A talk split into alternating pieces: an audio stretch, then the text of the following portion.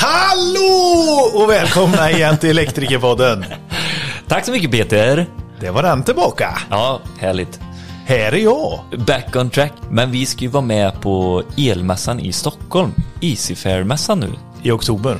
Och då får man ju jättegärna eh, komma och klappa oss på ryggen eller Ja, kom, Slå kom käften. fram. Slå oss på käften.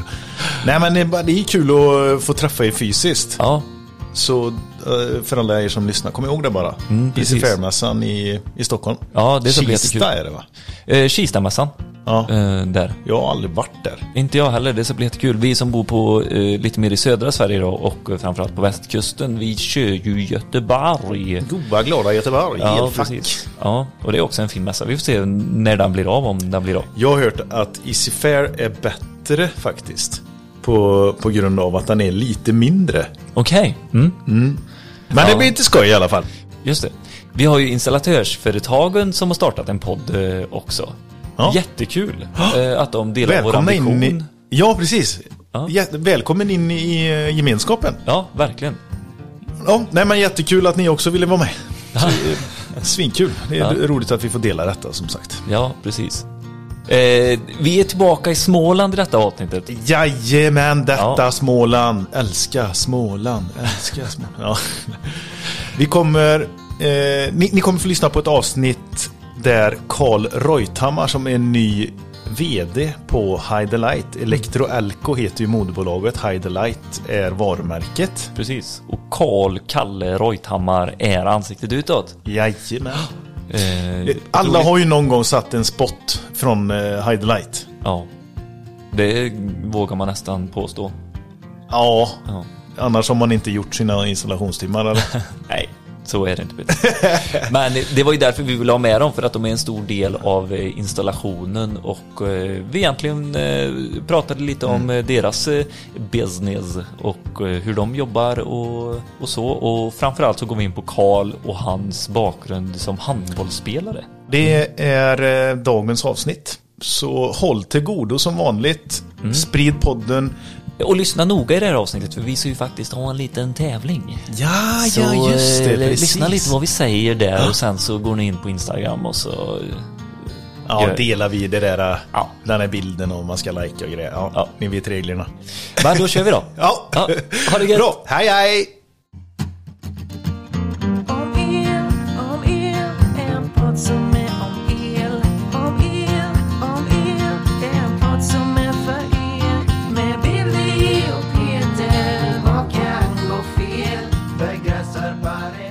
Hej och välkommen Karl Reuthammar. Hej, tack så mycket. Tjenare.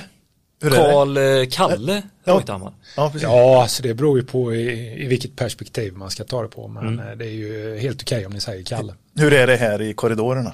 Nej, men alltså det har ju blivit så under resan att eh, ofta blir det ju Karl. Sen när man lär känna någon lite mer så, så blir det ju Kalle till slut. Men jag, eh, jag är rätt nöjd med båda namnen, men helst blir jag nog kallad Kalle. Absolut. Ja, det är så. Okej. Ja, det är det. Och är det från lagsporten när du spelar handboll?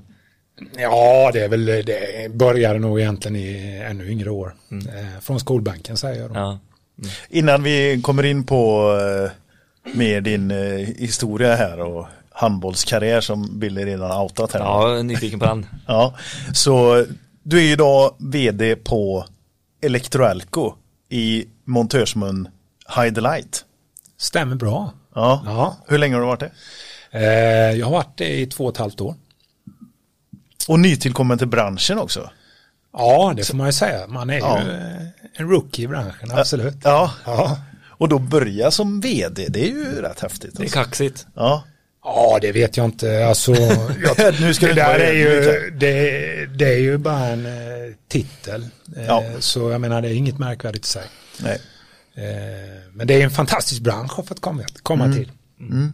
verkligen. Ja, är det det? Hur ser du den så här utifrån nu efter två, eh, över två års erfarenhet liksom?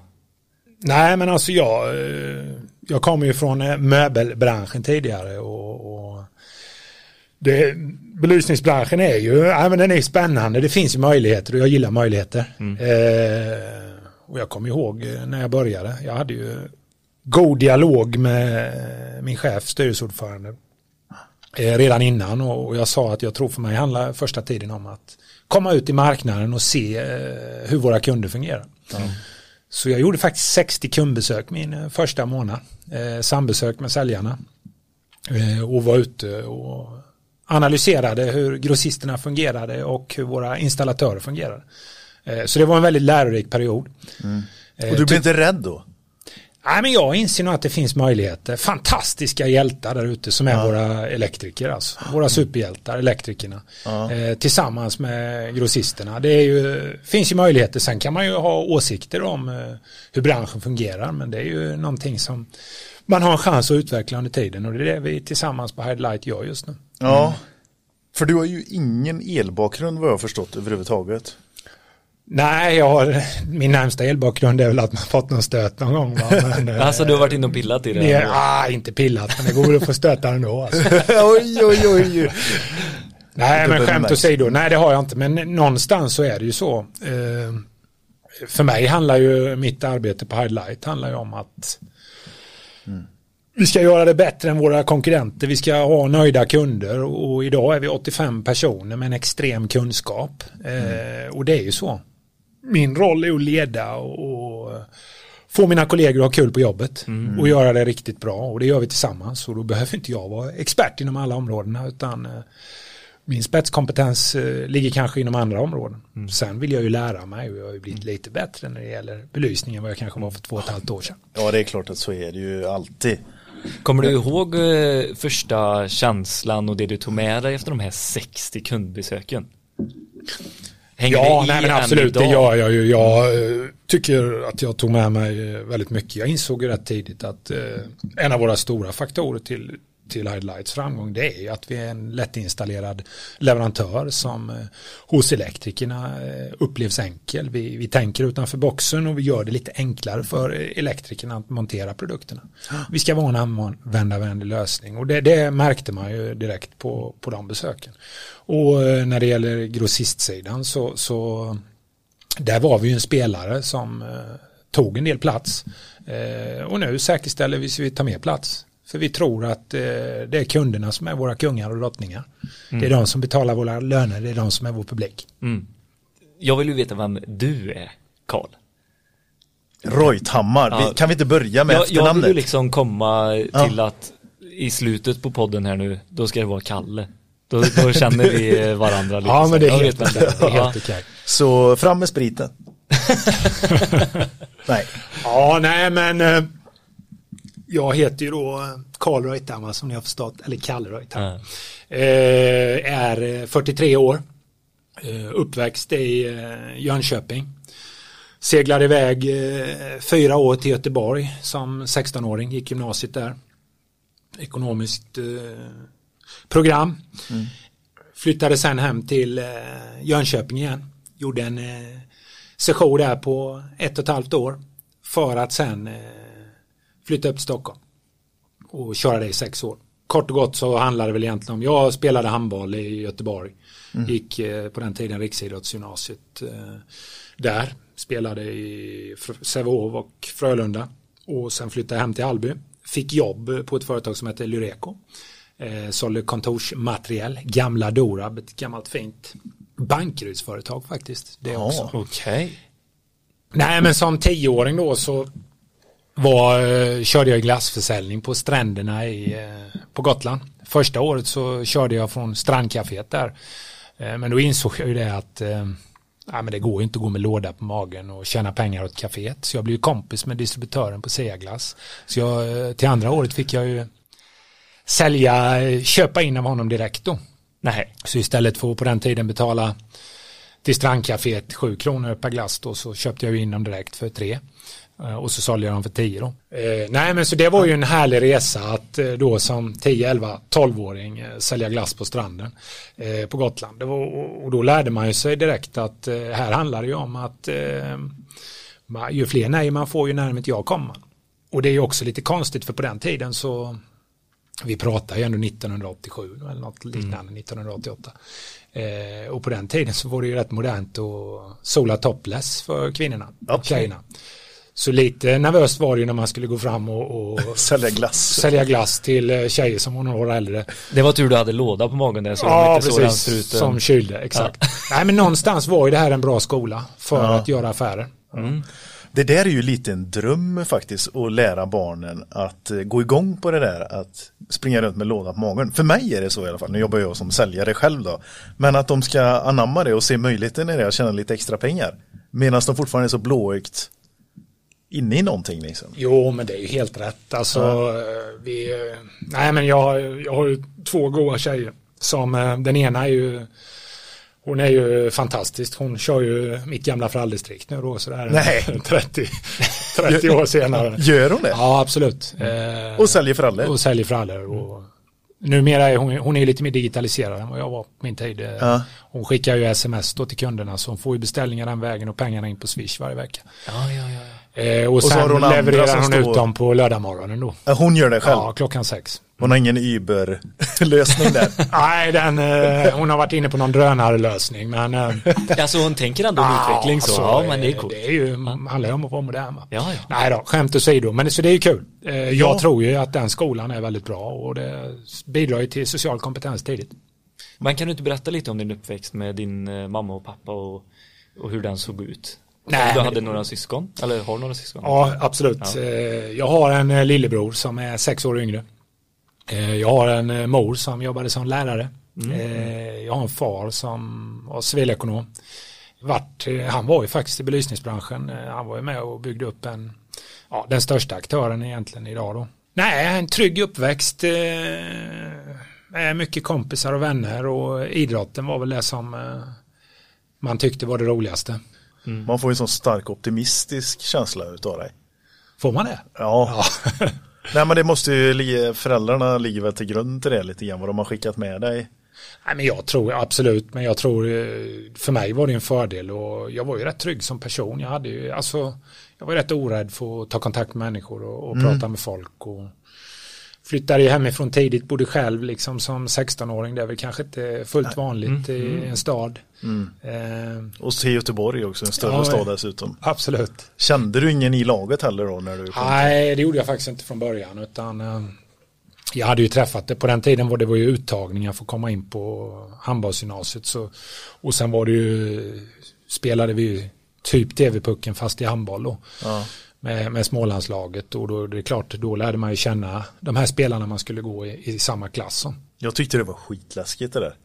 Tanken om eh, när man skulle in på hockeygymnasium och så.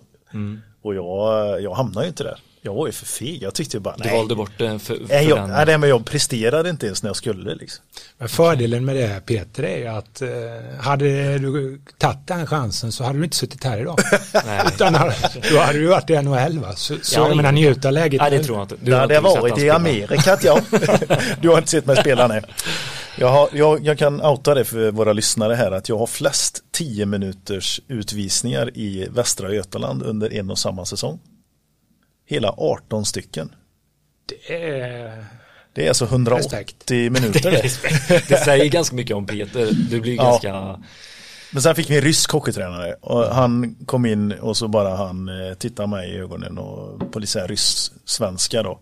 Åh, Peter, sluta med det där. Punkt.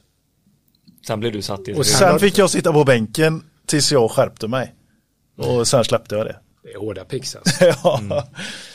Men det, då, då tänker jag ju nu när vi har två sidor av myntet här vid, vid Mm. bordet. Vad kan eh, skillnaden vara på, på, är det uppväxten? Är det att ni reste till Gotland och du fick dina nya kompisar där och skapade en liksom ny gemenskap och, och Peter du höll dig i Grästorp. Mm. i Grästorp på bakgårdarna och spelade boll. Ja, eller var, varför tog du steget och inte du då Peter liksom? Jag tror någonstans att tryggheten i uppväxten är ju nyckeln för att du när du börjar bli vuxen vågar ta de här besluten. Och, Mm. och, så svaret på frågan är enkelt. En trygg uppväxt gör att du vågar ta beslut tidigt. Mm. Eh, absolut. Gjorde du lumpen förresten? Nej men jag, jag, jag är, gjorde ju mönstringen då eh, i Kristianstad och det gick skitbra. Och så kom jag in till psykologen och jag var ju, hade bestämt mig innan, jag, då skulle jag ju spela handboll så jag var ju inte, jobba och spela handboll var ju liksom det jag skulle hålla på med. Så jag vill ju inte göra lumpen. Och jag var ju rätt tydlig och det här var ju 96, 95, 96 då. Skulle jag säga. Och det var ju den vevan som man drog ner kraftigt på det här. Okej, Så det de var ju börjar... snarare glada att jag eh, sa det och jag, jag spelade ju Sävehof på den tiden så jag hade ett intyg från klubbdirektören där med att den här killen bör inte göra lumpen för han, Han han, ska karriär. spela handboll. Ja. Och- Och sen bytte jag förening strax efter den matchen. det var väl kanske inte hundra men Nej. Nej, Så så svaret på ingen, frågan, eh, jag gjorde inte lumpen. Nej. Eh, och faktum är mitt första år, eh, egentligen innan, Lureco var inte mitt första jobb utan jag jobbade ett år i Göteborg.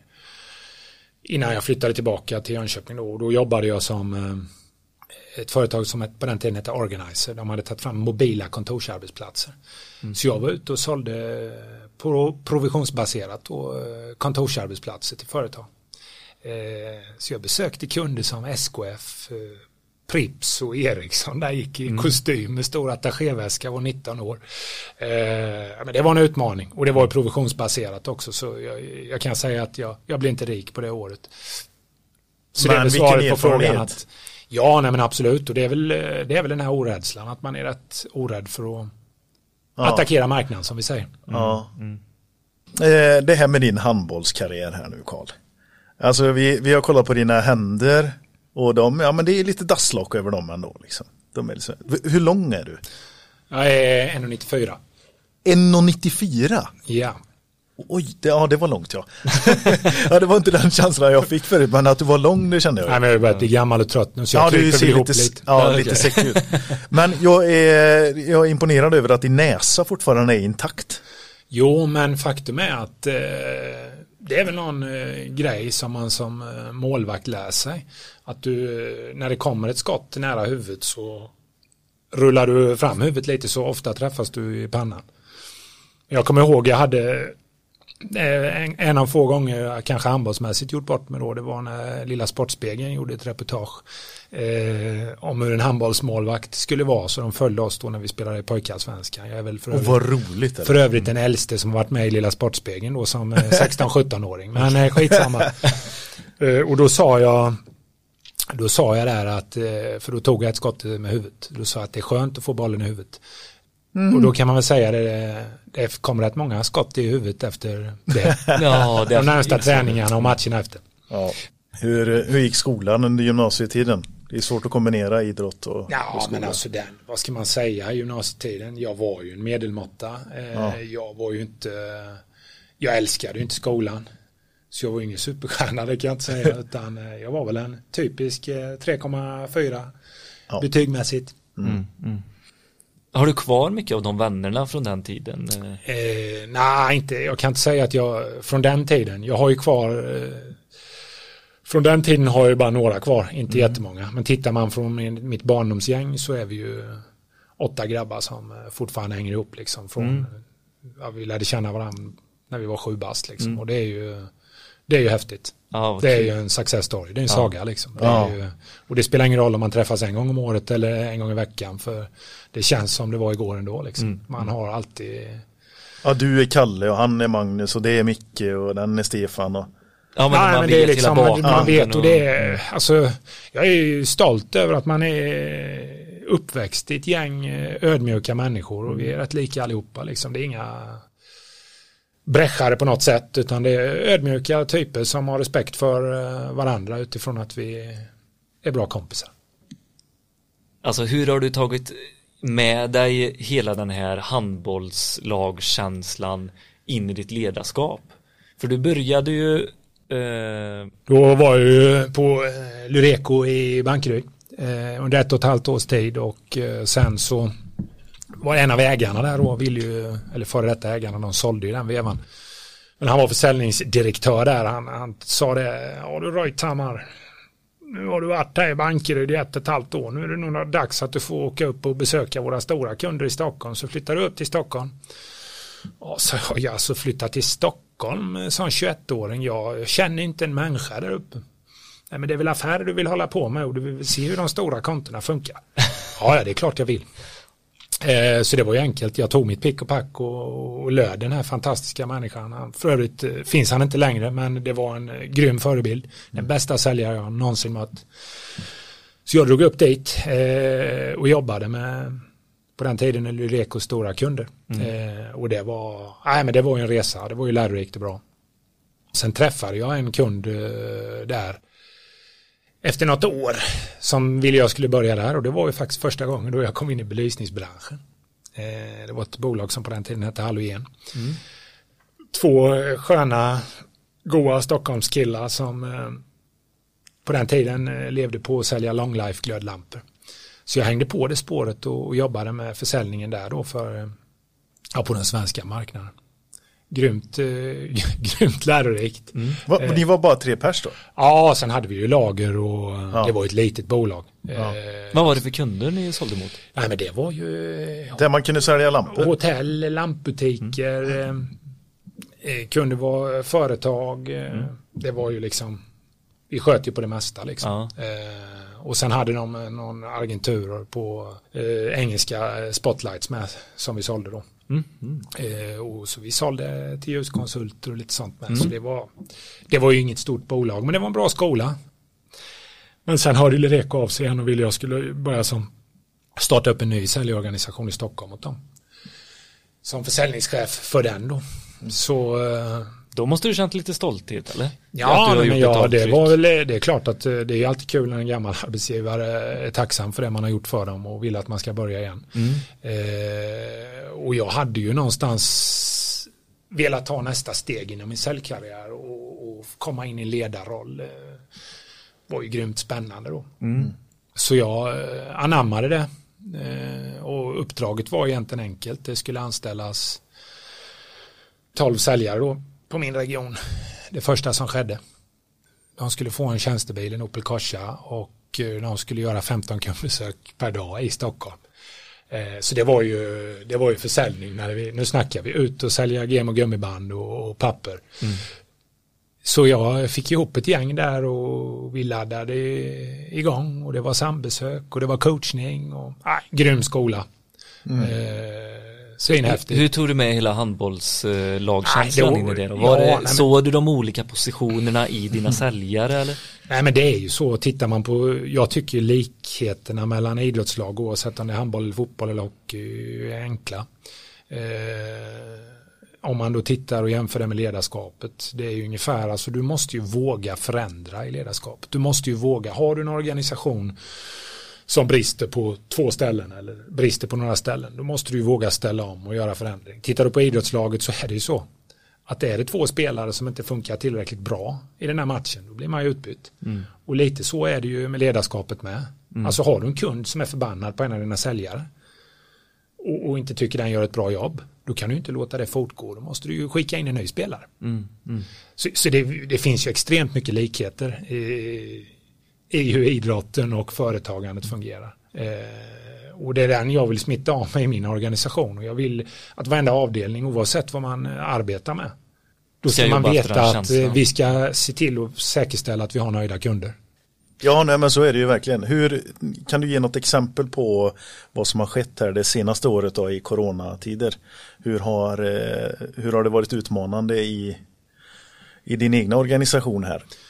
Nej, men det, det kan man väl säga att vi, vi eh, har ju liksom någonstans eftersom vi har eh, både en eh, lager och produktion i lokalerna här, vi har tjänstemän så kände man väl från början, alltså innan vi visste så mycket vi kom ju in i ett läge rätt tidigt att vi, vi tänkte det att vi kommer ju tappa vi kanske tappar halva vår volym. Vi trodde ju mer på en lockdown av Sverige liksom, så vi hade ju en grym respekt för det så vi tog ju tidigt eh, beslut om att gå ner i, ett permitteringsläge på framförallt vår säljsida som bromsades upp kraftigt. Eh, men vi tog ju rätt snabbt tillbaka det beslutet eh, då vi kände att herregud, det var inte de effekterna det blev som vi, vi trodde när vi tog beslutet. Utan det var ju fullständigt tryck istället. Och då landade vi egentligen in i att vi, vi körde på och där tror jag vi fick mer fart än vad kanske många av våra konkurrenter eh, hann agera för vi, var, vi hanterade bra. Men, ja, men just för att ni var snabba på, du, som du säger, du är inte rädd för att göra förändringen. Du var inte rädd för att ta, ta bort dem och permittera. Men du var framförallt inte rädd för att ta tillbaka dem. Absolut, eh, helt rätt. Eh, Ungefär så. Sen var vi givetvis ett beslut som vi, vi gemensamt i ledningsgruppen tog. Men, men vi, vi, jag tycker vi agerade rätt i det läget. Vi gjorde det bra. Eh, Sen har det ju, som ledare har ju det här blivit, med tanke på att vi Många sitter hemifrån och jobbar nu. Det kräver ju väldigt mycket mer av våra chefer att eh, vi har ett arbetsmiljöansvar när människor sitter på hemmaplan och det bygger på att vi ändå inte tappar den sociala biten och, och har mycket möten och skapar det och vet vad eh, våra människor på hemmaplan att de mår bra och, och har det gött och det funkar liksom. Så det är klart, där, det har ju varit ett svårt år utifrån ett ledarskapsperspektiv eh, när vi inte haft så mycket tjänstemän på plats då, eh, lokalt. Så eh, sen har vi lärt oss mycket. Vi var, har ju, var ju rätt snabbt på eh, Skype, Teams eh, och den typen av digitala verktyg. Eh, så där har vi utvecklats likt många andra bolag också har gjort. Hur är du, har det smittat av väldigt mycket på dina medarbetare, din eh, föränderlighet och eh, beslutsamhet? Nej, men alltså vi är ju, det här är ju ett fantastiskt gäng. Vi är 85 medarbetare som vill framåt och, och eh, har spetskompetens och är extremt duktiga med det de håller på med. Och många är ju väldigt delaktiga i, ju i den som vi har ju förändrat våran eh, säljorganisation. Vi har gjort en del förändringar på våra olika avdelningar och, och där har ju människorna fått vara med och, och påverka detta eh, i stor del. Och det är klart att då blir det ju väldigt mycket enklare. För då vet vi att det här kommer funka. Jo men har, har, känner du att de har den tryggheten i- ifrån dig som ledare att ta de här besluten och göra förändringarna själva också och din stöttning från det? Ja, nej men det hoppas jag givetvis. Eh, Sen kanske inte jag är rätt person för att svara på den frågan, men eh, nej men det, det, det tror jag. Och jag menar, vi är ju eh, det är ett underbart gäng medarbetare som funkar väldigt bra tillsammans och vi gör rätt mycket kul grejer även utanför jobbet i normalläge. Nu har ju corona ställt till det lite så nu har det varit svårare. En bra ledare ska ju även kunna ta motgångar och medgångar med sina medarbetare. Kan du berätta om eh, en motgång som du varit med om i, i våran bransch och hur du skötte den? Nej, men det är väl klart alltså. Har ju inte jag varit med. Har ju inte varit med så länge så jag har ju inte mött den här djupa motgången. Peppa peppa ta i trä. Ja, om du, om du inte tar i våran bransch utan i ditt, eh, liksom, i din roll som ledare genom eh, arbetslivet här. Nej men det är väl klart alltså med, med tanke på att man i mo- modern, hyfsat modern tid har jobbat med rätt eh, stora affärer så, så har man ju tappat har man ju tappat någon eh, väldigt stor affär och det är klart att det gör ju riktigt ont. Det är ju ungefär som att förlora en match liksom. Det är ju det är den här tävlingsmänniskan i en som eh, tycker att det är mentalt tufft liksom. Eh, så det är klart att det, är väl eh, det är en eh, 50-60 miljoners affär. Det gör ju ont att tappa. Sen eh, har det inte varit eh, alldeles för många sådana då, så, så utifrån det perspektivet så. Men hur agerar du som, som ledare då? Jag vill att eh, man kanske kan få lite tips från dig nu. Hur agerar man som ledare i en större Motgång. Ja, i en större motgång. Nej men alltså där tror jag ju egentligen är ju svaret det är ju jätteenkelt. Eh, det är att göra analysen. Varför blev det så här? På ett eh, rätt eh, normalt sätt. Och sen är det ju, det är ju träning. När du kommer till nästa gång den här affären ska låsas och tas eller en liknande affär. Då har du ju lärt dig någonting och då losar du inte den affären. Nej. Och det är ju ungefär som vi, jag pratade lite innan om Zlatan och hans träning eh, före och efter de vanliga träningarna. Det är ju så vi bygger vårt liv. Jag menar vi kan ta ett exempel idag eller när vi här på Heidi Light ska ut och möta en av våra kunder eh, på central nivå. Eh, då, då tränar vi ju innan. Vi går igenom presentationerna och, och pratar om hur vi ska lägga upp det. Och, och eh, det gör vi ju för att vi någon gång har lärt oss att vi inte var tillräckligt förberedda gången innan exempelvis. Och det är ju det, förberedelsearbetet oavsett eh, om du är på jobbet eller på en idrottsplan. Det är ju det som är nyckeln. Förbereda ett kundmöte, vara påläst och slipad och ha ett mål och veta vad du vill. Eh, då tar du ofta affärerna. Mm. Snyggt. Ja, det har jag inte tänkt på så i våran bransch, men det är klart att det behövs en förberedelse och träning som du säger. Det är ju svårt idag att hinna reflektera som installatör. Absolut. Också. Så att, eh, för, för det har vi ju snackat om tidigare, det att det går ju i ett hela tiden. Att kunna ta tillbaka affären och titta, hmm, hur gjorde vi här? Det finns ju oftast inte tid. Men det finns ju också möjligheten till nästa gång och nästa gång att göra lite förbättringar. Men sen kan man vända på det så kan man säga som så här då. Jag menar ta Billy då som han är ju mästare på att bearbeta stora kunder. Eh, och nu kan jag ju inte Billys hitrate då på affärerna. Men eh, det kanske är så att han eh, avslutar tre av tio affärer. Men låt säga att han lägger ner lite mer tid så räcker det med att han går på åtta av de här affärerna så kanske han tar fem av åtta. Eh, Så det är där man får ju hela tiden ställa sig frågan eh, att det kanske inte är så tokigt att vara förberedd påläst. Nej. För då kanske du ökar din hitrate. Så det går ju att se det lite olika banor. Ja, Ja, den var faktiskt, den var lite ny för mig faktiskt. Det brukar alltid vara så när man pratar med eh, sälj, säljcoacher eller man mött chefer som vill vara coacharna i säljet. Att då hade de istället sagt, utan de tio och du har en hit, hitrate på tre. Om du lägger lite mer tid och energi så kanske du kan nå fem på dina tio.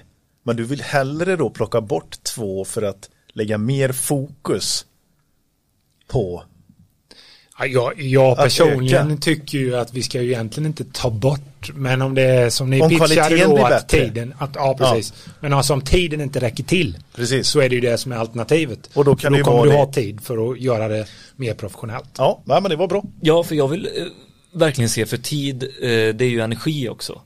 Och du kanske inte har det här tiden, eller energin och engagemanget till alla tio. Så jag kan verkligen, jag köper det här rakt av att man ska lägga energin på rätt sätt och ställe.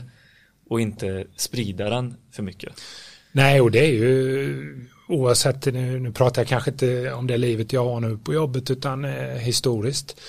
Eh, så det är klart att man måste ju också ställa sig frågan när du tittar på dina kunder. Det här har ju du varit med om Peter som en aktiv, duktig säljare.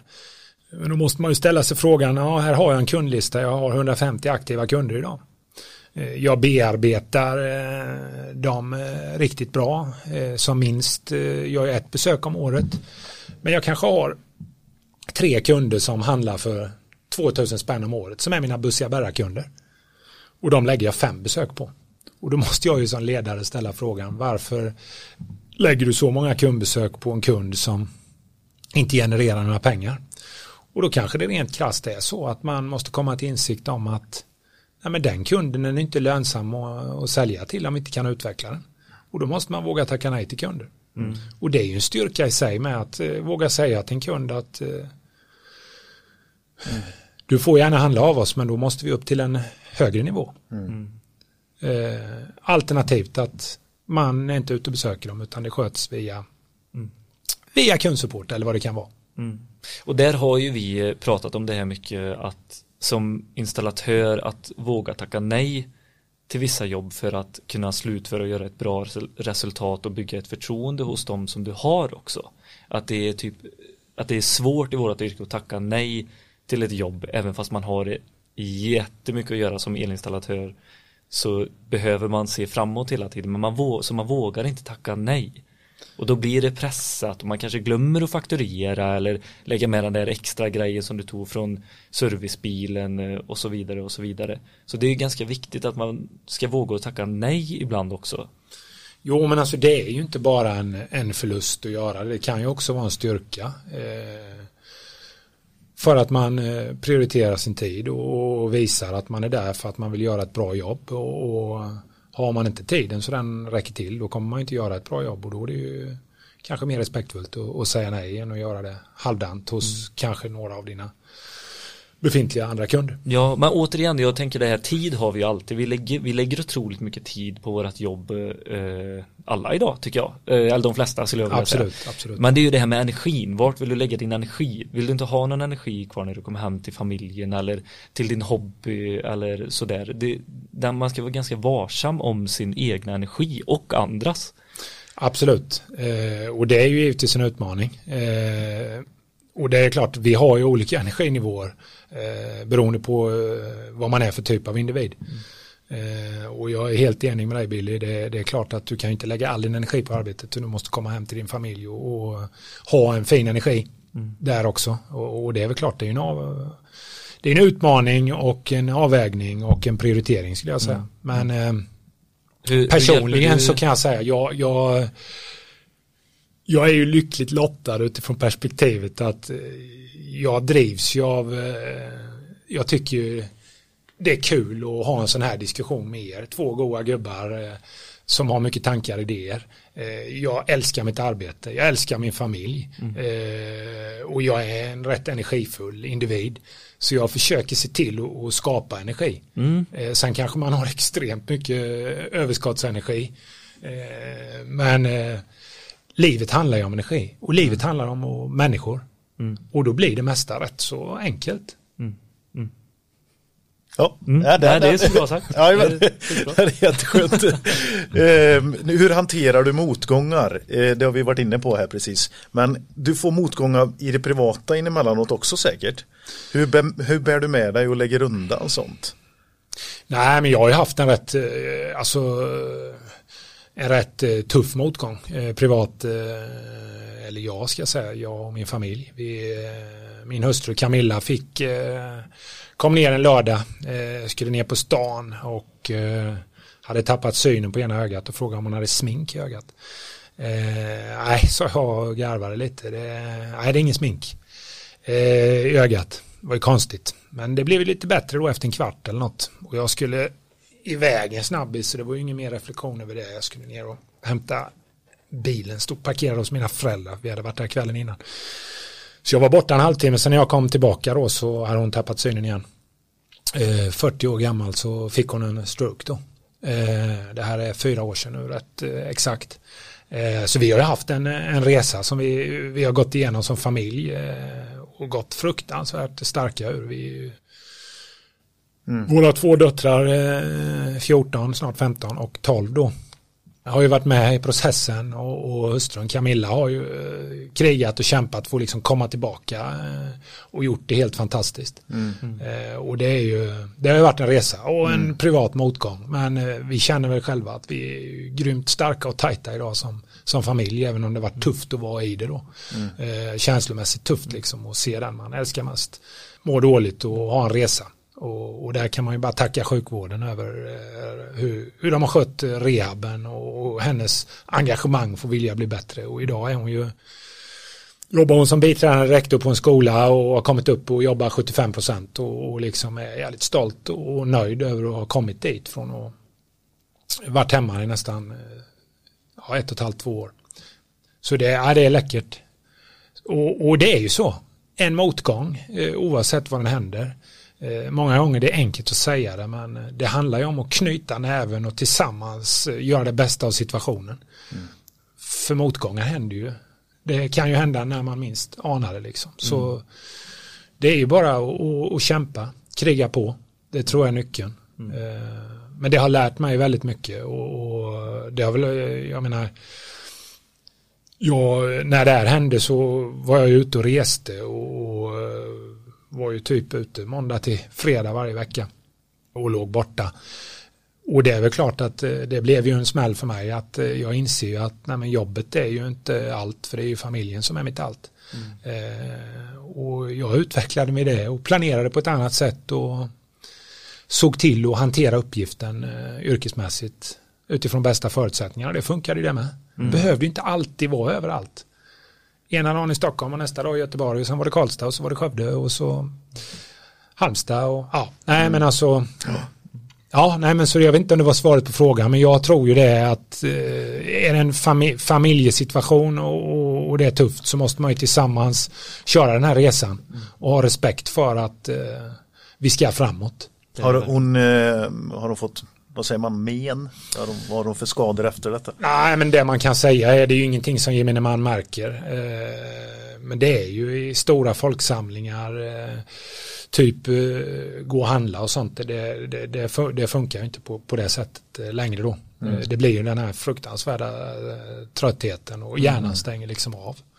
Eh, så det är väl ja, balans och hjärntrötthet har väl varit utmaningen. Men en positiv tjej som eh, vill framåt och, och eh, positiva barn och positiv eh, gubbe så har vi kommit en bra bit på resan och det Ja. känns bra. Ja, härligt. Mm, gud vad härligt att höra. Har ni, hur länge har ni varit gifta? Vi har varit gifta sedan eh, 2006.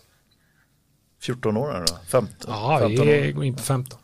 Nej, men det är en När träffades ni? Vi träffades, nej det är ju enkelt egentligen. Det är ju en eh, gammal barndomskompis. Vi träffades ju när vi var, eh, ja det var väl, eller man hade ju koll på henne då från, ja egentligen grunds, eller kanske rent av eh, ett till sexan där. Men Ja, hon är ju ett år äldre va. Men sen var hon ju alltid upptagen till, till jag var 24-25 år va. Så, så eh, Och då jag- nöp du till? då fick man ju ta chansen. Men krävs många grodor innan man hittar sin prins eller? Är det inte så? Eller? Jo, jo, men det ligger väl något i det. Nej, men det är ju, vi är ju väldigt tajta och eh, Ja. har en fantastisk relation idag. Ja. Eh, funkar väldigt bra. Eh, så det är häftigt. Ja, kul. Då kommer vi ju snabbt in på nästa ämne. Och det är ju det här med, för det fick vi reda på ifrån dig Karl i våran förintervju här, att ni har ju tagit fram x antal positioner ute i landet som installatörer som får vara med och produktutveckla. Ja, nej, men det, är- det är helt rätt. Vi har ju byggt någonting som vi kallar för fokusgrupper då. Ja. Eh, och vi har ju ett eh, produktteam här idag med egentligen åtta personer som jobbar med vår produktutveckling. Eh, och, och någonstans har vi kommit fram till under resan här att vi har en extrem kompetens på vår produktavdelning. Och den är ju fantastisk. Men eh, vem är det egentligen som har den bästa kollen på hur produkterna ska se ut, hur de ska vara för att de ska vara så enkla som möjligt att installera. Eh, så då tog vårt produktteam eh, tag i den här biten och insåg då att eh, det är kunderna, våran publik, alltså elektrikerna där ute. Det är ju de som är våran marknad, det är där kunskapen finns. Så om vi liksom släpper lite på vår prestige och redan på prototypstadiet bjuder in de här olika fokusgrupperna som vi jobbar med i landet då. Vi har ju lokalt här i Jönköping ett gäng, vi har i Stockholm, vi har i Göteborg, vi har i Värnamo. Installatörer då som vårt produktteam träffar på prototypstadiet. Mm. Går igenom produkterna. Får höra, nej men den här produkten, hur tänker ni här? Det är ju så här man ska ha den för att den ska vara mer lättinstallerad. Den här bygeln ska till eller vad det nu kan vara. Eh, designen, eh, ja men den är rätt snygg. Alltså, Feedbacken liksom, ja, det är den, den feedbacken och det gör ju oss till en aktör som framförallt vi har, vi vet när vi gör detta att vi har lyssnat på våra kunder, marknaden. Vi har ett gäng ambassadörer ute i marknaden som eh, har fått vara med och påverka detta. Och det gör ju att eh, vi ofta kommer mer rätt när vi sätter produkter till marknaden. Det här kan jag ju tycka är en no-brainer. Ja, Varför har inte detta gjorts tidigare? det känns så smart ja. Det är rätt. Så eh, nackdelen med detta är väl att vi lär väl våra kollegor i branschen eh, lite för mycket nu. Eh, Men eh, vi får ju ta den smällen.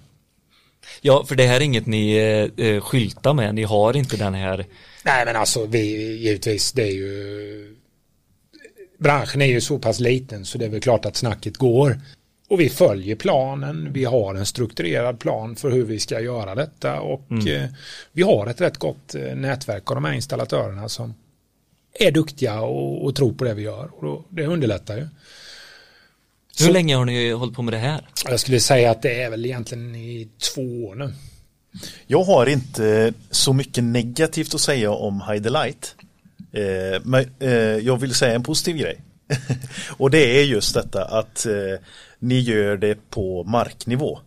Att går ut och frågar eh, om prototypen och förändrar utifrån vad elektrikern och montören har. Och det, jag tycker det är jättebra.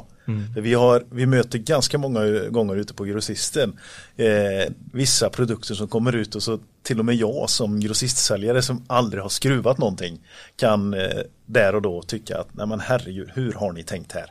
Har ni inte varit ute och frågat hur installationsvänligheten ska vara i den här? Eh, men eh, ja, men bra Ja, jobbat. vi är oerhört tacksamma Peter. Tackar för detta. Jag ska allt komma på någonting här snart. Men Hidelight, kan du dra lite bakgrunden för Hidelight? Kom de in i det här i LED? eh, delen eller? Dra historien. Eh, ska jag dra storyn? Ja. Eh, nej men alltså man kan säga eh, Electroelco då som bolag har ju funnits sedan 1948. Heidi Light eh, varumärket förvärvades, eller bolaget som hette Heidi Light AB förvärvades 2003. Och där någonstans då efter det när eh, ledden kom så var man ju rätt eh, tidigt på pucken. Vi var snabba på LED-tekniken och framförallt downlight spotlights-sidan då. Mm. Och fick ju en fantastisk utväxling. Egentligen från, ja vad ska man säga, egentligen kanske då 2008 eh, till 2016. Eh, och, gick ju ja, som en eh, raket då får man väl Det var en jäkla fin kille som började i branschen då faktiskt. Det var nog... Ja, ja, någon Peter va? Ja, Ja, det var jag. precis. Han var Eh, nog inte med i framgångssagan för Heidi Light. Då. Nej, men man gjorde det fantastiskt bra. Man utvecklade, man började dra igång kunskapsseminarium, man ville vara en del av branschen, utveckla branschen. Men någonstans mellan 2016 till 2018, då planade tillväxten ut. Vi såg att eh, grossisternas egna varumärke, de mindre aktörerna och våra konkurrenter då, eh, växte kraftigare. De hade höga tillväxttal. Eh, och vi planade ut.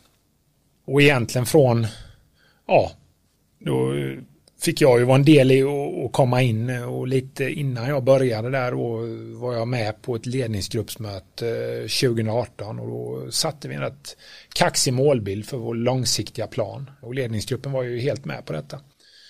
Och sen eh, pratade vi ihop oss och eh, stängde väl egentligen då 2018 Eh, och det var väl lite vad det var. Och hade en färdig plan för hur vi skulle eh, växla upp det här bolaget. Eh, och strukturerade egentligen om eh, initialt då hela våra, eller våra två säljorganisationer och stängde ner en av dem och växlade upp den stora organisationen på den svenska marknaden då från sju säljdistrikt till tolv säljdistrikt. Och fick eh, bra fart 2019, eller helt okej fart. Vi, vi, vi nådde vårt mål, eh, vi hade en eh, tillväxt eh, på 12 procent. Så vi liksom kände på att eh, här eh, började det hända grejer. Ni var på rätt väg. Absolut. Och sen då kommer vi in i 2020 och snickrat om lite till, eh, vässat eh, vårt erbjudande, lyssnat på marknaden och eh, ja, har en fantastisk utväxling 2020. Och där är vi under 2020 gör vi också lite justeringar, ändrar lite, förändrar några av våra avdelningar, strukturerar om lite, förändrar ledningsgruppen. Eh, och, och där vi är nu då idag så, så känner vi oss starka inför framtiden och det här året har börjat fantastiskt. Så vi, vi tror på framtiden och, och vi är väldigt tacksamma över att vi har elektriker där ute som tror på det vi gör. Ja, det, det känns som ni har breddat er portfölj ganska mycket de senaste åren va? Absolut. Ifrån Det- eh, decklights och downlights och framförallt LED-strips så har det blivit otroligt mycket mer som ni har. Definitivt och det skedde ju egentligen eh, 2018 eh, bestämde vi oss för att vi, vi, vi ska bredda vårt sortiment och gå mer mot den offentliga eh, miljösidan och eh, industrisidan då. Eh, och har tagit fram ett gäng fantastiska produkter i det här segmentet och, och vi har ju sett att det har fått fäste fäste på marknaden och, och det här är ju läckert och häftigt. Så s- det finns möjligheter. Va, va, vad ser du var den vinnande faktorn som ni hade med er in i, i den breda portföljen? Nej, men alltså det, det återigen så, så jag tror våran vinnande faktor är, är sjukt enkel och man kan ju tro att det är produkterna. Ja, produkterna är en del, men det är människorna. Alltså det är våra 85 eh, spelare i det här laget som gör det här fantastiskt bra tillsammans och sen har vi vissa spetskompetenser på individnivå som, som gör det oväntade liksom. Vågar flyga utanför boxen. Och tillsammans är vi starka och, och det är ett bra kollektiv som, som gör det här. Eh, egentligen allt från, eh, vi, vi har nio olika avdelningar. Vi har, vi har inköp, vi har produktutvecklingsavdelningen, vi har säljaravdelningen, vi har lager, vi har produktion, vi har kundsupport, vi har ljusdesign, vi har ekonomi, admin, vi har marknadsavdelningen. De avdelningarna tillsammans har vi lyckats täta skotten, förstå varandras jobb, hur vi jobbar. Eh, och då har vi fått eh, ett annat fart. Sen har vi fortfarande en bit kvar på den här resan.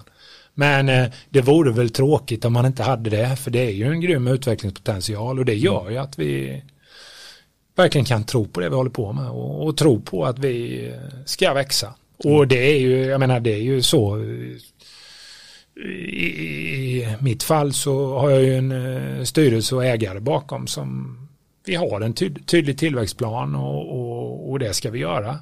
Och det sticker jag inte under stolen med. Vi eh, kommer i framtiden vara en aktör som ska ta mer plats på den eh, nordiska belysningsmarknaden. Eh, och det är våra ambitioner. Och, Ni alla sitter under samma tak här också va, i Bankeryd? Eh, ja, nej, men det gör, vi har ju, man kan ju säga som så, tar vi våra avdelningar eh, bortsett från sälj så är vi ju samlade här. Sälj är ju väldigt utspridda i Sverige. Eh, vi har ju idag säljkontor i eh, Norge, Danmark och Finland också då. Okej. Vi håller ju nu på att jobba med att eh, titta även utanför Norden och håller på och startar upp några samarbeten. Vi drog igång i Australien här eh, under 2020 Okej. eh, som ett litet land som inte riktigt är nästgårds men eh, som köper lite highlight-produkter. Så det här är ju häftigt. Alltså, man är ju grymt stolt att man får vara med på den här resan. Men tillverkningen är här? Eh, tillverkningen är ju, våran produktion sker ju i Bankeryd. Eh, sen kan man ju säga då att vi har ju, vi, all produktion sker ju inte här utifrån att vi köper ju en hel del produkter från främst Asien och södra Europa då. Som de flesta Där vi jobbar med i stort sett kan man säga tiotalet fabriker som vi har en rätt lång historik med. Du har ju haft en eh, lite speciell ingång i den här branschen, eller speciell är den ju inte egentligen, för du har ju en koppling via möbeltillverkarvärlden. Ja, men jag hade ju en, eh, jag hade ju en resa. Den varade ju 12 år. Eh, oerhört, eh, oerhört spännande resa. Jag var ju på ett bolag som heter Input Interiörer.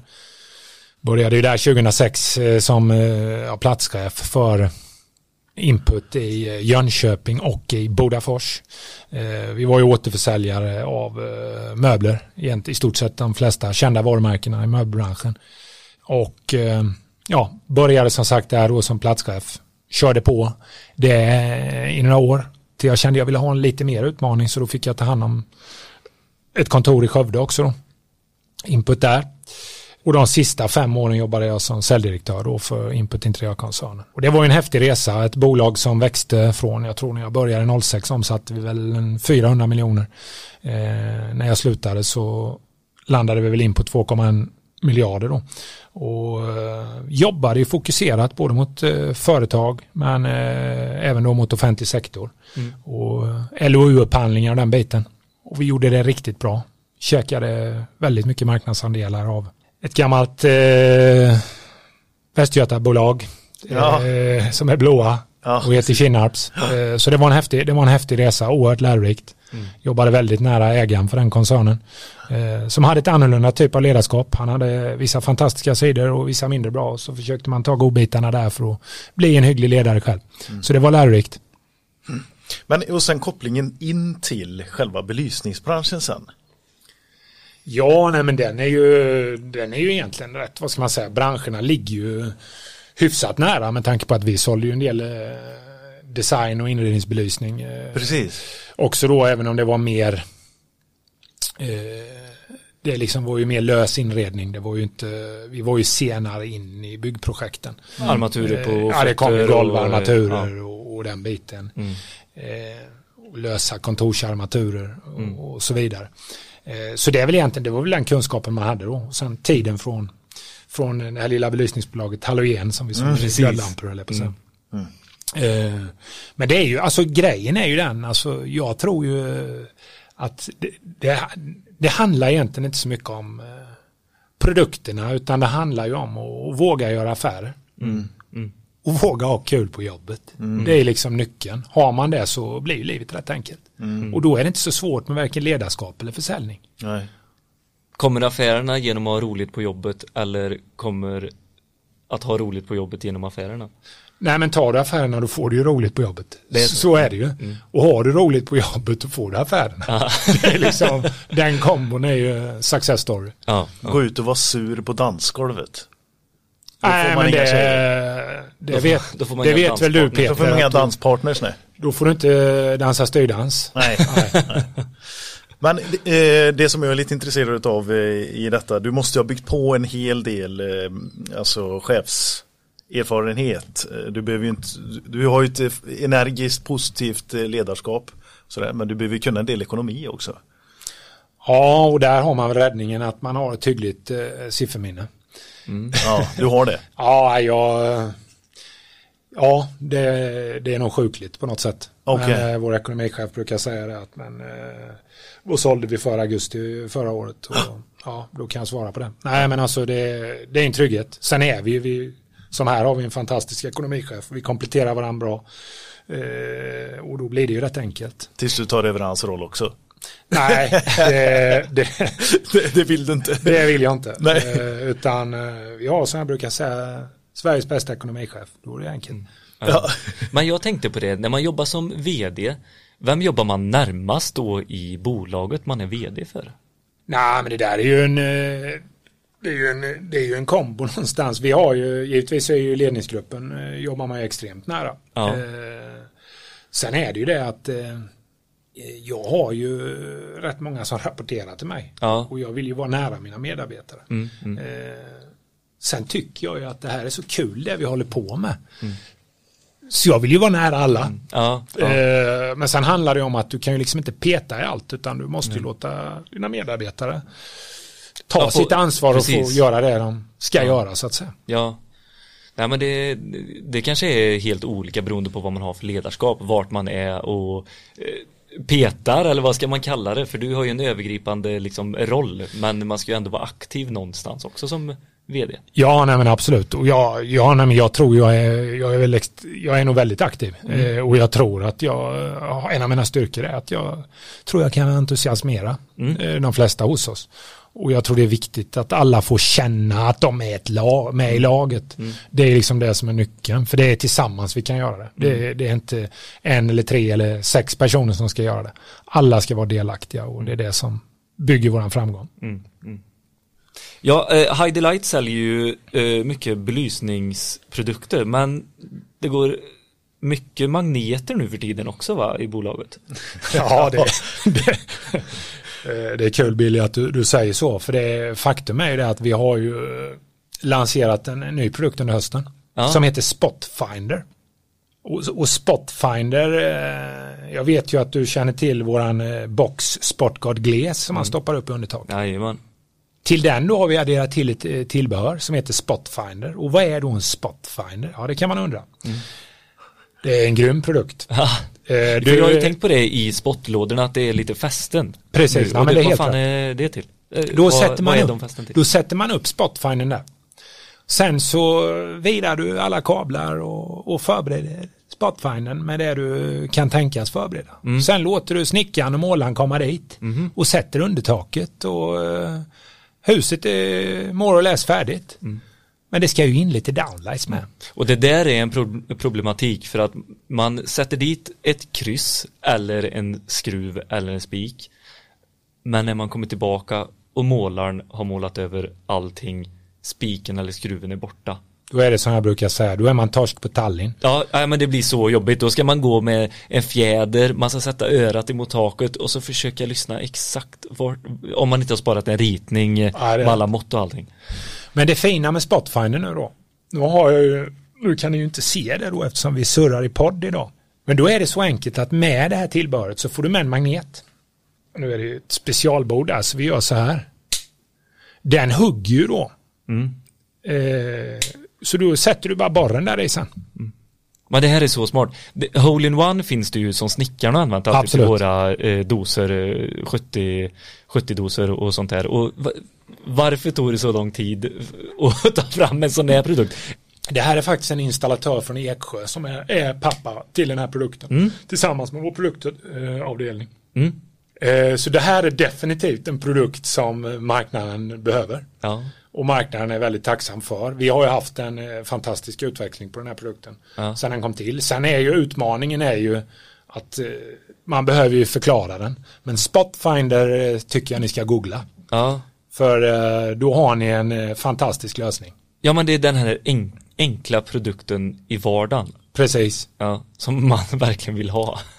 Och här är det ju så att eh, här tror vi ju att vi gör ju inte bara installatörens liv enklare, vi gör ju målaren och snickarens liv enklare också. Mm, mm. Så totalentreprenaden kan bli väldigt bra och vi tror att totalt sett sparar man tid. Mm. Och, och herregud vad pengar man sparar. Jag, jag har ju själv råkat ut för detta att jag har lagt ritningen någonstans på det här badrummet som jag har gjort spottar i och så tänker man nu vet jag vart exakt vart det är någonstans. Man har ju ändå en liten gräns att hålla sig inom eh, spottlådan liksom. Ja, absolut. Men så är man precis i kanten på spottlådan när man borrar hålet Ja, och får sätta igen och ringa dit målaren igen.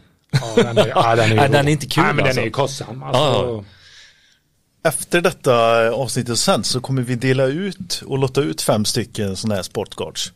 Så gå in och, och likea bilden eh, och, och försök sprida den också. Men vi kommer dela ut det till någon av våra lyssnare. Det här eh, tar ju oss eh, osökt in eh, på eh, framtiden. Kalle, vad, hur ser framtiden i belysningsbranschen ut? Nej men jag är rätt övertygad om att vi kommer ju se eh, en förändringsprocess. Eh, Jag tror att eh, det kommer att inte vara lika många aktörer om fem år som det kanske är idag. Menar Jag tror att det kommer vara en del större aktörer. Ja. Men Att de jag- här små eh, som säljer mycket LED på lösmeter och, och sånt. Man gör större inköp ifrån Kina och så Nej, men jag tror att ut det? Varumärket kommer vara mer betydande för framtiden. Eh, det är ju ändå så det, det är som våran marknad jobbar med. Mm. Eh, det är ju någonting som kräver något extra. Det kräver en hög funktion och en hög kvalitet. Eh, för det är inte så kul om huset brinner ner liksom. Elsäkerheten är extremt viktig och då tror jag inte man ska sätta vad som helst i marknaden. Och det pratar vi ju mycket om att vi, de grejerna vi tar fram de ska liksom vara fantastiskt bra. Vi pratar ju mycket klimatavtryck också. Det är ju givetvis en, en, en, en hållbarheten kommer ju vara en viktig faktor för framtiden och jag menar det är ju framförallt eh, så måste ju vi i, i de äldre generationerna utveckla oss eh, för vi kommer eh, få ju fram yngre generationer som ställer högre krav på detta. Eh, och ska vi ha en global värld som funkar över tid då måste man jobba hållbart. Eh, så det är väl klart att hållbarheten kommer ju göra att eh, det blir mer krav på de bolagen som håller på. Eh, och ett av de bolagen är ju vi. Mm. Och vi måste ju gå i framkant med detta. Kan du ge något exempel på hur ni aktivt har jobbat med hållbarhet? Eller kommer jobba med hållbarhet framåt?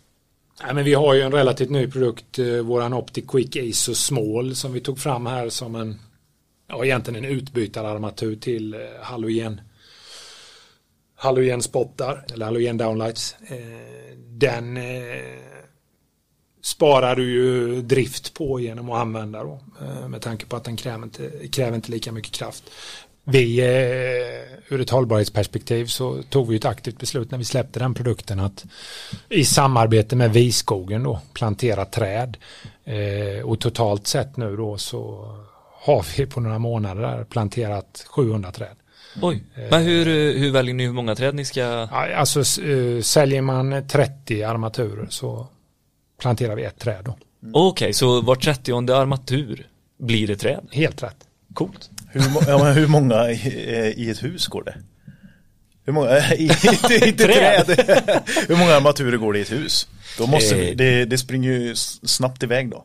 Ja, det gör det ju. Ja, nej men Det, absolut. det, det är nästan ett, ett säljargument eh, man kan ha. Så Köper du 30 spottar så eh, planterar du ett träd också till, eh, till kunden. Då gör du något gott. Exakt, Det är det är helt Ja. rätt. Och det är ju det vi vill att elektrikerna ska bära med sig ut i marknaden nu. Ja. Att man är... Till Greta 78 som ska byta ut sina gamla halogenspottar. Så inte huset brinner ner och behöver göra av med fler träd. Exakt. Nej men det är ju någonting som känns Ja. gott eh, för hjärtat. Och eh, vi har ju blivit bättre på att jobba med de här frågorna. Vi mäter ju rätt mycket. Vi gör ju KPI på rätt mycket när det gäller transporter, när det gäller resor. Eh, för att se till att säkerställa och minimera det här över tid. Mm. Jag har en fråga direkt ifrån montörsled. Och det är varför hittar vi materialet ute i privathandeln? Ja, till att börja med så vill jag ju svara på den här frågan på ett eh, fint sätt och det är ju så här att vi jobbar ju mot grossistledet. Det är vårt huvudfokus. Eh, Det jobbar vi stenhårt mot den kanalen och i stort sett allting går den kanalen.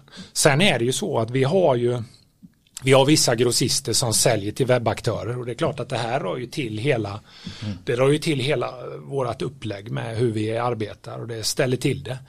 Sen finns det ju vissa kunder som eh, vi jobbar med i andra länder eh, som drar in eh, produkterna. Eh, vi har eh, jag kan väl vara ärlig och säga det nu. Vi har ju eh, haft både möten och varit i kontakt med den stora nya webbaktören som finns. Men där har vi tagit ett, Ja. ett beslut att eh, inte vi vill vara en del av, av det samarbetet. Precis, För det vi tror ja. att det är grossisterna som är våran väg ut i banan. Ja, men det är jättebra. För där, där har vi ju pratat om det du och jag, Kalle, eh, i vårt första samtal. Ja. Att där är ju en, en stor kanal som kommer försöka roffa åt sig mycket av de top of mind-märkena som vi har i våran bransch. Och det tycker jag känns väldigt tryggt att ni har tagit det beslutet. För att det, det är svårt att hitta eh, varumärken idag som både ska vara top of mind hos installatören och även då sälja tryggt genom att bara visa varumärken till privatpersonen. För idag så finns det ju både hos grossisten och i do it yourself-marknaden. Prisbilden, ja, den, den är skiftande på privatsidan. Men det kan ju inte ni vara med och bestämma det. Men den här aktören, den här stora aktören då, eh, som heter Amazon. Ja, nej men så är det ju, Ja, absolut. den är helt, den är jättesvår att styra. Eh, så det är starkt. Det tycker jag är jättebra. Ja, och jag menar för oss blir det ju ett rätt enkelt beslut där vi är idag. Jag menar det är ju eh, till installatörer via grossister. Ja, Det är våran core model. Det är den vägen vi vill gå. Eh, sen är det ju jättesvårt med utvecklingen av hela webben. Ja. Eh, för du vet inte vilka vägar produkterna tar. Nej. Men jag kan med rätt gott samvete sitta här idag och säga att eh, i stort sett all vår volym går via grossistledet. Men jag som in, eh, inköpare till olika projekt, eh, va, varför skulle inte jag eh, välja Amazon om det är till ett bra pris? Ja, alltså frågar du mig som lekman då eh, så är det ju egentligen rätt enkelt. Du som installatör har ju ett väldigt stort ansvar i det arbetet du gör hos den här privatkunden eller det här företaget du är ute hos. Eh, När det gäller exempelvis reklamationer ALM 09 eh, så vill ju du det att det ska funka. Fem års garantitid på våra produkter. Eh, Och då vill vi ju att det går den rätta vägen. Du har en hantering av reklamationer eh, som ska ske. Eh, vi vill ju få tillbaka produkterna för att kunna säkerställa alltså vad det är för fel, om det är någon batch eller om det är någon produktionslina som ska stoppas. Så, så eh, svaret på den frågan tycker jag eh, är enkelt. Jag menar, du är ju en, jag vet ju att du är en kvalitetsguru eh, när det gäller installationssidan. Så jag menar, du ska ju med gott samvete kunna leverera produkter som kommer Mm. från rätt led, från aktörer som kan stå för både alla 09 och reklamationer och, och en bra garantitid. Mm, absolut. Du ser glad ut Billy. Kul. Ja, jag är jätteglad. Jag, jag tycker att vi har haft ett riktigt eh, bra samtal med dig, Mm. Kalle. Det är inte ofta man, eh, man kommer till någon som, har, som inte har varit i branschen innan men ändå har så, alltså jag förstår ju att man har mycket energi när man kommer in i en ny bransch där. Men du har ju ändå gjort två och ett halvt år. Det skulle ju kunna ta dö på det också. Ja, men det är ju, det är klart att det skulle kunna gjort, men alltså när man har förmånen att jobba med så mycket goa människor och ha dem runt omkring sig, härliga kunder, eh, hur svårt är livet då? Det är ju liksom, det är helt fantastiskt. Ja. Fortsätt håll, håll uppe energin för den smittar av sig. Ja, så är det verkligen. Jag har suttit med ett leende genom hela intervjun här. Alltså det, det- ja, ditt leende smittar oss, eh, Kalle. Alltså. Det är, Ja, det är kul Och den energin i dina ögon. Det tackar för det. Och så ska du, nu, du ska ut och göra minst 60 kundbesök i år också.